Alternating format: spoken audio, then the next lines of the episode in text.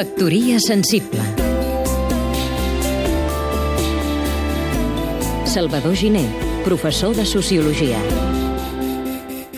Aquests mots que sentiu i aquesta veu que potser també escolteu us arriba per la ràdio. Mentrestant, esteu cuinant o conduint un cotxe o fins i tot mirant el cel.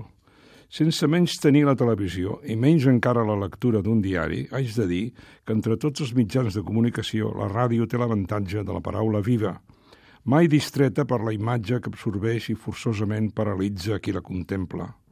És evident que la veu radiofònica es pot sentir sovint com un soroll de fons i, per tant, no copsar el que diu, o que pot transmetre propaganda poca solta o tediosa Tanmateix, amb els ulls tancats, la ràdio us permetrà sentir la divina música de Vivaldi o la de Bach o la poesia d'Ausias Marc en la veu d'un cantaire.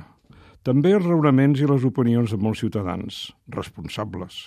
La ràdio ben feta fomenta l'esperit crític i lliure de la ciutadania, a més de ser, si vol la gent que la conrea, una de les arts.